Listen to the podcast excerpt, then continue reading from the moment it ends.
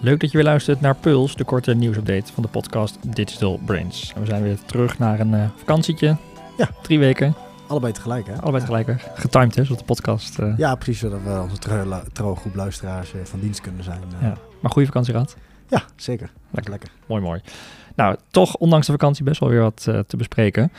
Uh, er is veel gebeurd, want we gaan je aan deze aflevering bijpraten over onder andere deze onderwerpen. Instagram maakt automatische reels van korte video's.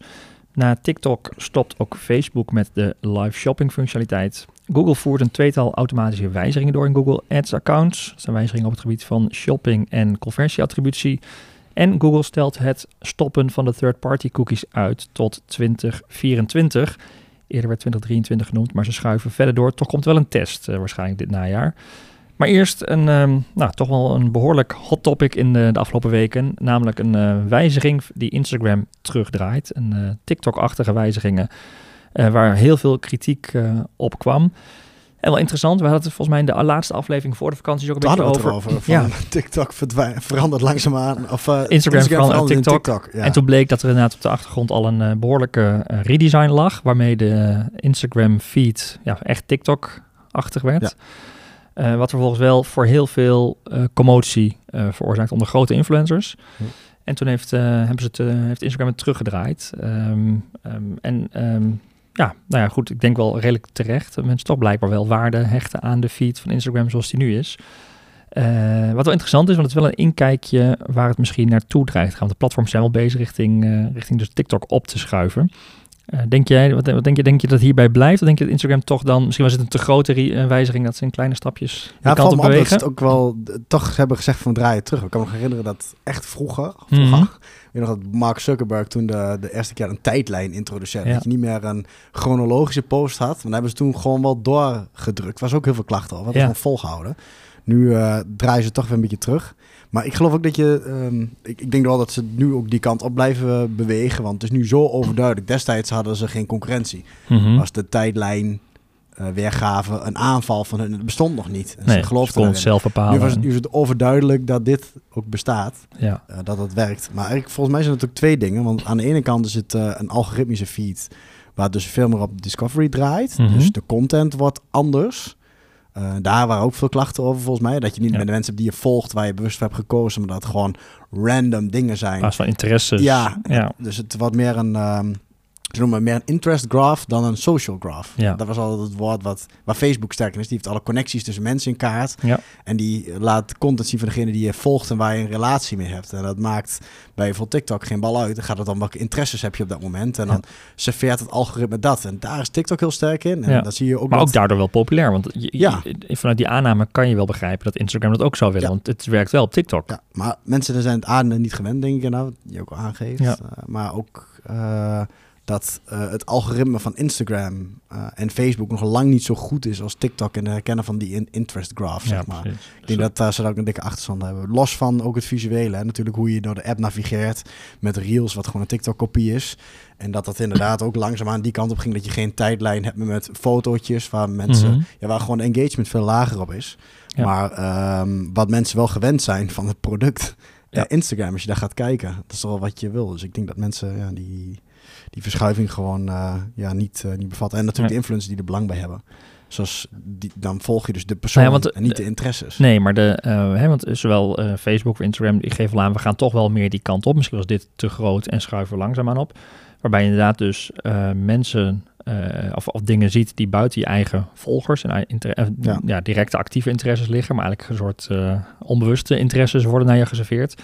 Wat wel weer mogelijkheden biedt om dus veel mensen buiten je publiek te bereiken als influencer. Ja, ik denk dat voor als je begint is het veel interessanter. Nou, Ja. Wat maakt TikTok zo Zonder gaaf? eigen als je bereik hebt, kun je kun je in al- één keer boom heel groot worden. Ja. Maar de grotere influencers die al een basis hebben, ja, die worden veel meer gedwongen om ja, content gebaseerd op interesses, om dat ook vol te houden. Mhm. En gaat het minder om uh, ja, je echte engagement. Maar als je ook kijkt naar de data, dan heeft bijvoorbeeld een, een, een Kim Kardashian of zo. Als je kijkt Ja. naar de respons en de interactie op de posts, is uh, lang niet procentueel relatief veel minder dan een kleine account bijvoorbeeld. Ja. Je ziet toch ook gewoon dat er een heleboel grote accounts van beroemdheden zijn die worden gevolgd omdat ze een beroemdheid ja, zijn. heel veel maar volgers niet en omdat weinig ze de beste content hebben. Ja, precies. Uh, Ja. Dus ja, Dat, zeg het maar, TikTokers zijn echt beroemd door TikTok. En een hele hoop mensen op Instagram, dat zijn gewoon ook beroemde mensen in real life. Ja, en daardoor hebben ze die volgers ja, en maar minder engagement.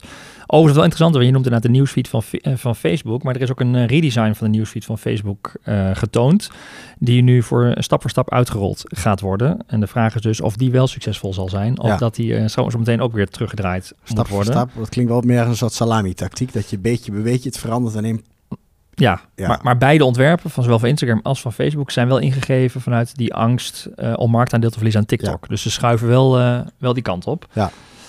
Um, nou, interessante ontwikkeling. Er gebeurt in ieder geval wel eventjes wat. Ze dachten dat in een zomerperiode misschien wat rustiger te kunnen doen, maar het heeft veel uh, ophef veroorzaakt. En, uh, en dus teruggedraaid. Ja, dat is ook bijzondere eraan. Dat is ja, ook, dat is echt teruggedraaid. Ja, toch weer, Misschien in kleine plakjes dat het alsnog gaat komen.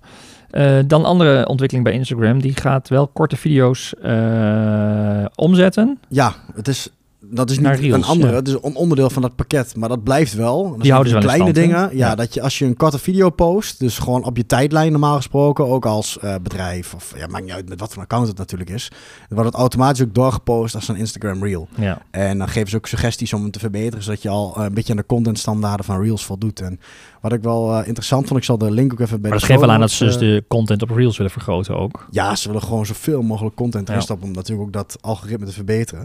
Wat wel interessant was, ik zal die link er even bij, uh, bij aangeven. Uh, ik moet zeggen, ik heb nu eerst niet hierin in dat geplakt. Onze collega Joris kwam daar ook mee.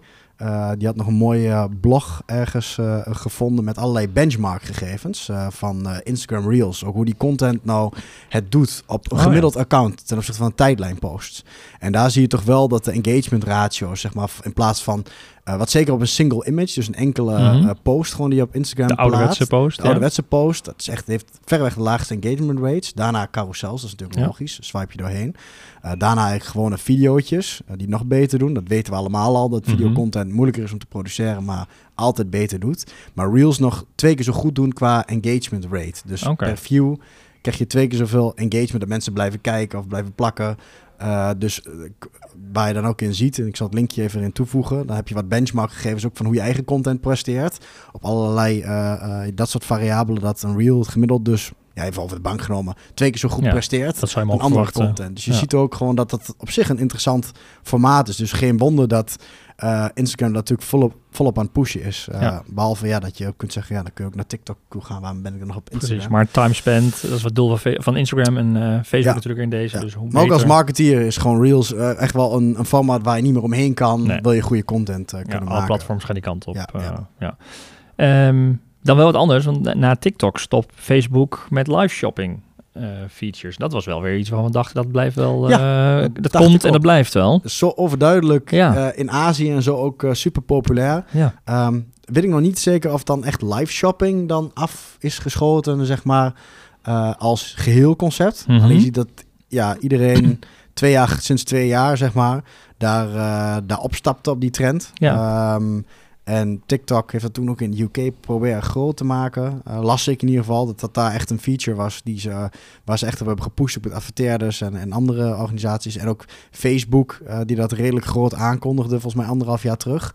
Uh, maar ja, het wordt nu toch weer afscheid van genomen. Die functie bestaat niet langer. En als alternatief gooien ze het ook allemaal op Reels weer. Ja. Van korte video's waarin je producten promoot en pusht. Maar niet zozeer weer een livestream. Nee, na 1 oktober kun, wordt het echt afgeschaft. Ja. in ieder geval, het kan nog wel voor evenementen. Maar je kunt geen nieuwe of geplande live shopping evenementen meer hosten. Nee, dat waren echt van die events die dan werden... Ja, net als ja, YouTube dat ook was van die live feeds of activiteiten op dat moment gaande. Uh, zo. Eerder had je het ook bij TikTok, wat meer. kwam je tel tegen de tijdlijn. Dat ze ook meer, meer pushten. Ja. Live streams op TikTok. Um, ja, zie je toch dat dat uh, in ieder geval Facebook ook ja, er niet meer in gelooft. Het niet meer wil doorontwikkelen en... Uh, je kunt nog wel inderdaad producten taggen in Reels op Instagram. Ja. Um, en daar kun je ook nog wel als je een winkel met afrekening met shopping hebt, uh, dan kun je ook live shopping evenementen op Instagram, uh, kan dat nog wel. Maar binnen Facebook ja, Facebook, uh, ja, dus de, de functie wordt gewoon wel ja, afgeschaft, zeg maar, ja. in die zin. Dus dan zie je dat die, die, die trend toch niet zo aansloeg. In ieder geval niet op deze Niet op dat platform. Nee. Dus wellicht kan het wel, maar op een andere vorm. En gaan ze toch weer terug naar de tekentafel in de massa. Dus ja, die trend breekt niet echt door, laat ik het zo zeggen. Nee. En twee updates vanuit Google. Automatisch smart shopping en conversieattributie. Ja, twee dingen eigenlijk. Eén die ook in de, in de deep dive met Nick straks terugkomt. Waar we het natuurlijk ook hebben over uh, ja, alle de hele roadmap van Google en advertentieproducten. Deze past daar weer in. dat ze in augustus nu, je krijgt dan een notificatie van, maar heb je nog smart shopping campagnes lopen? Dus uh, ja, de data gestuurde uh, pure Google Shopping campagnes worden nu ook uh, nu automatisch echt omgezet als je de tool nog niet hebt gebruikt, of je geen maatregelen genomen, naar een Performance Max campagne. Ja. Wat is weer inhoudt, in die podcast kunnen we natuurlijk ook terugluisteren, wat een Performance Max precies inhoudt. Maar dat die dus ook um, ja, eigenlijk het hele um, Google advertentienetwerk gaat gebruiken. Niet alleen maar de Google zoekresultaten, maar ook andere plekken waar shoppingresultaten kunnen verschijnen. Dus die worden automatisch omgegooid. En een, een andere grotere is dat um, uh, op Search Engine Land staat het ook dat um, uh, sommige accounts ook een bericht krijgen uh, dat je automatisch wordt omgezet naar een datagedreven attributiemodel. Net als Performance mm -hmm. Max bijvoorbeeld doet. Ook al zijn het geen Performance Max campagnes. Okay. Dat is wel iets vrij, iets vrij unieks. Ja. Um, en uh, is niet precies duidelijk in welke situaties Google dat doet. Maar sommige adverteerders hebben een mailtje gehad. Dus uh, dat ze zeggen eigenlijk van ja, jouw last click conversie of dat soort dingen waar je op stuurt. Uh, dat gaan we gewoon automatisch nu omzetten naar data gedreven als jij geen actie onderneemt. Oké. Dus dat is wel een vrij groot wijziging. Ja. Nooit eerder gezien. Maar dat, ja, dat benadrukt nog maar eens dat Google echt aan het pushen is op die data. Ja. En ja, de consequentie is dat je dus heel goed moet gaan kijken van welke conversies meet je nou precies. En zijn die representatief voor het juiste resultaat. Is dat de juiste data die is dat de juiste data sturen waar je echt inderdaad geld ook voor over hebt. Ja. Want anders gaat Google sturen op de verkeerde data met die uh, datagedreven attributie. En ga je niet meer een bieding instellen per klik of per eindconversie of weet ik veel wat. Dus um, ja, dat, dat heeft nog wat voet in de aarde. En bijzonder dat Google ook die stap neemt om dat nu zo agressief te gaan doen. Om ze echt uh, te pushen van, uh, ja, als jij geen actie onderneemt, dan doen ja, wij het wel. gaan we gewoon doorzetten. Ja, ja. ja. dus uh, even opletten of je zoiets ook in je Je krijgt wel een mail, wordt aangekondigd wel inderdaad. Mail, ja. Maar ook wel een, een teken aan de wand dat als je dat nu nog niet van plan bent... En ja, in sommige B2B industrie bijvoorbeeld, waar je gewoon wat minder data hebt, wil je dat soms toch wel wat maar handmatig regelen. Uh, dat het dus wel steeds meer naar die uh, ja, datagedreven uh, ja. conversies ja, maar dat, dat, dat, zeggen we nou, zien we vaak bij B2B, weinig conversiepunten, weinig data. Dus wil je daar wat meer handmatig optimaliseren. Dat je grip ja, hebt op in ieder geval de kwaliteit van de campagnes vanuit de context en content die je zelf hebt en kent. Ja. En dat wordt dus in dit geval lastiger. Precies. Dus dan moet je toch andere conversies instellen of andere meer datapunten instellen waar je tenminste een kwalitatieve bezoeker uh, beoordeelt. B2B zou je ook kunnen vervangen door echt een niche markt, maar waar je hele lange journeys zijn, waar soms de conversie niet altijd uh, um, heel veel waard is, of waar je de lead kwaliteit nog wel heel erg kan wisselen bijvoorbeeld. Waardoor Google dan misschien wel op hele slechte kwaliteit leads gaat sturen en een hele grote aantallen van gaat genereren bijvoorbeeld. Dus ja, in die, in die dingen moet je daar een beetje mee opletten als je dat soort automatische wijzigingen krijgt. Ja, zeker. Um, en een update vanuit Google ten aanzien van de third-party cookies. Weer eigenlijk een vervolg op een story die ook al een aantal keren hier terugkeert ja. uh, in deze afleveringen. Um, oorspronkelijk waren ze van plan om in 2022 de third-party cookies uit, uh, te, uit de browser te verwijderen. Dat werd uiteindelijk naar 2023 doorgeschoven en nu wordt het zelfs uitgesteld tot 2024. En ze zeggen zelf dat het toch wel nog een stuk lastiger is om uh, ja, aan al die, die, die, die nieuwe structuur ja. te, te organiseren en in te richten. Um, ja, dat is toch wel weer een. Het geeft wel aan dat het waarschijnlijk heel moeilijk voor ze is om dat uh, op die manier te optimaliseren. Ja. Ja, ik denk dat ook alle rand, uh, dat, dat ze ook onderschatten hoeveel randzaken er nog zijn. Mm -hmm. Met third-party cookies, met technische bugs die websites misschien krijgen, maar ook alternatieven aanbieden. Want ze zijn dus ook bezig met, dan heb ik de naam weer kwijt.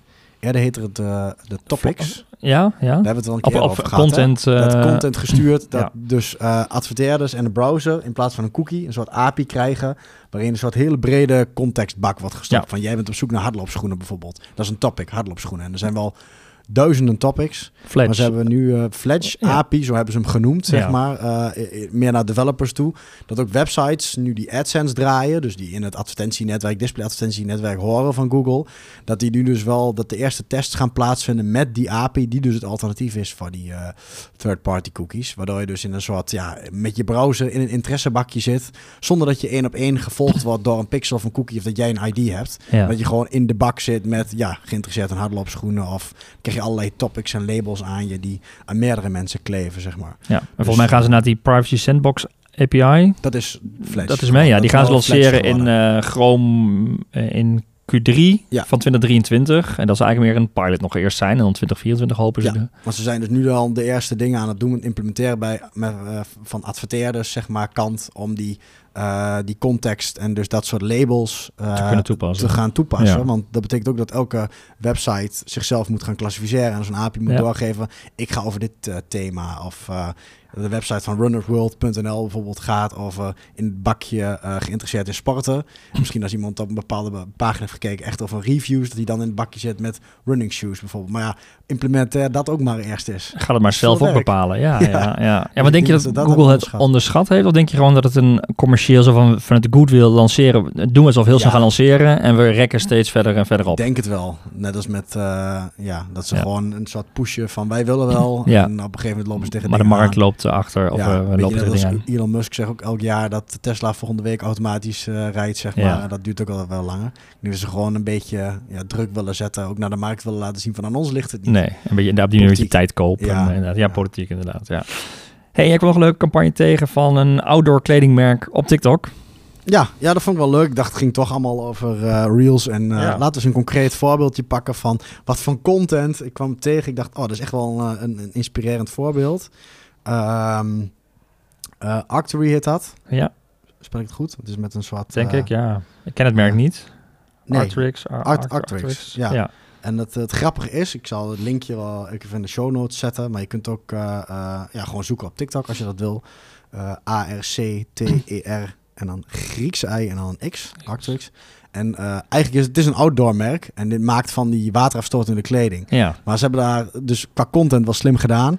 Uh, dan ga je dus met zo'n regenjas van hun, die een vrij grote hoodie heeft, zeg maar. Precies, dat ja. maakt het mogelijk, onder de douche staan. En nou heeft het iets, als je er ook naar kijkt, het is echt dat waterafstotende materiaal, waardoor het zo dus je ziet ook echt zo, ja, ja. zeg maar. Dus het is een soort uh, meme geworden als het ware, of een, ja, een, een trend om dan met zo'n jas de onder... En dan kunnen natuurlijk allerlei creatieve dingen mee doen. Mensen met emmer water over Emmer water en dat soort oh, dingen. Ja. Dus als dus je dan een capuchon op hebt, dan word je inderdaad echt niet nat. En het ziet er wel vet uit, omdat het zo waterafstotend is. Nou denk ik niet dat dat heel uniek is van dat product. Want er zijn meerdere... De, op een gegeven moment als je in dieper in die content duikt, zie je van de North Face of Patagonia, zeg maar die zijn ook waterafstotend. Of uh, als je er een heel harde straal op zet, dan werkt het niet meer. Dat mensen zeggen, kijk, hey, zo bijzonder is het niet. Maar het is een soort iets wat, waar de doelgroep mee aan de haal kan gaan. Waar je andere creatieve dingen mee kan doen. Ja. Je, wilt, je bent op zoek naar hoe zorg je dat je ja. geassocieerd wordt met een onderscheidend uh, vermogen. Vraag of dat zo is. Maar dit is ook wel iets wat je heel sterk je product aan Exact. En, dit, dat, en het heeft ook geen echte lekkere andere naam. Dus nu noemt iedereen het, het de Arctrix, Arctrix Challenge. Ja, zeg maar. top toch? Ja. Want hoe noem je het anders?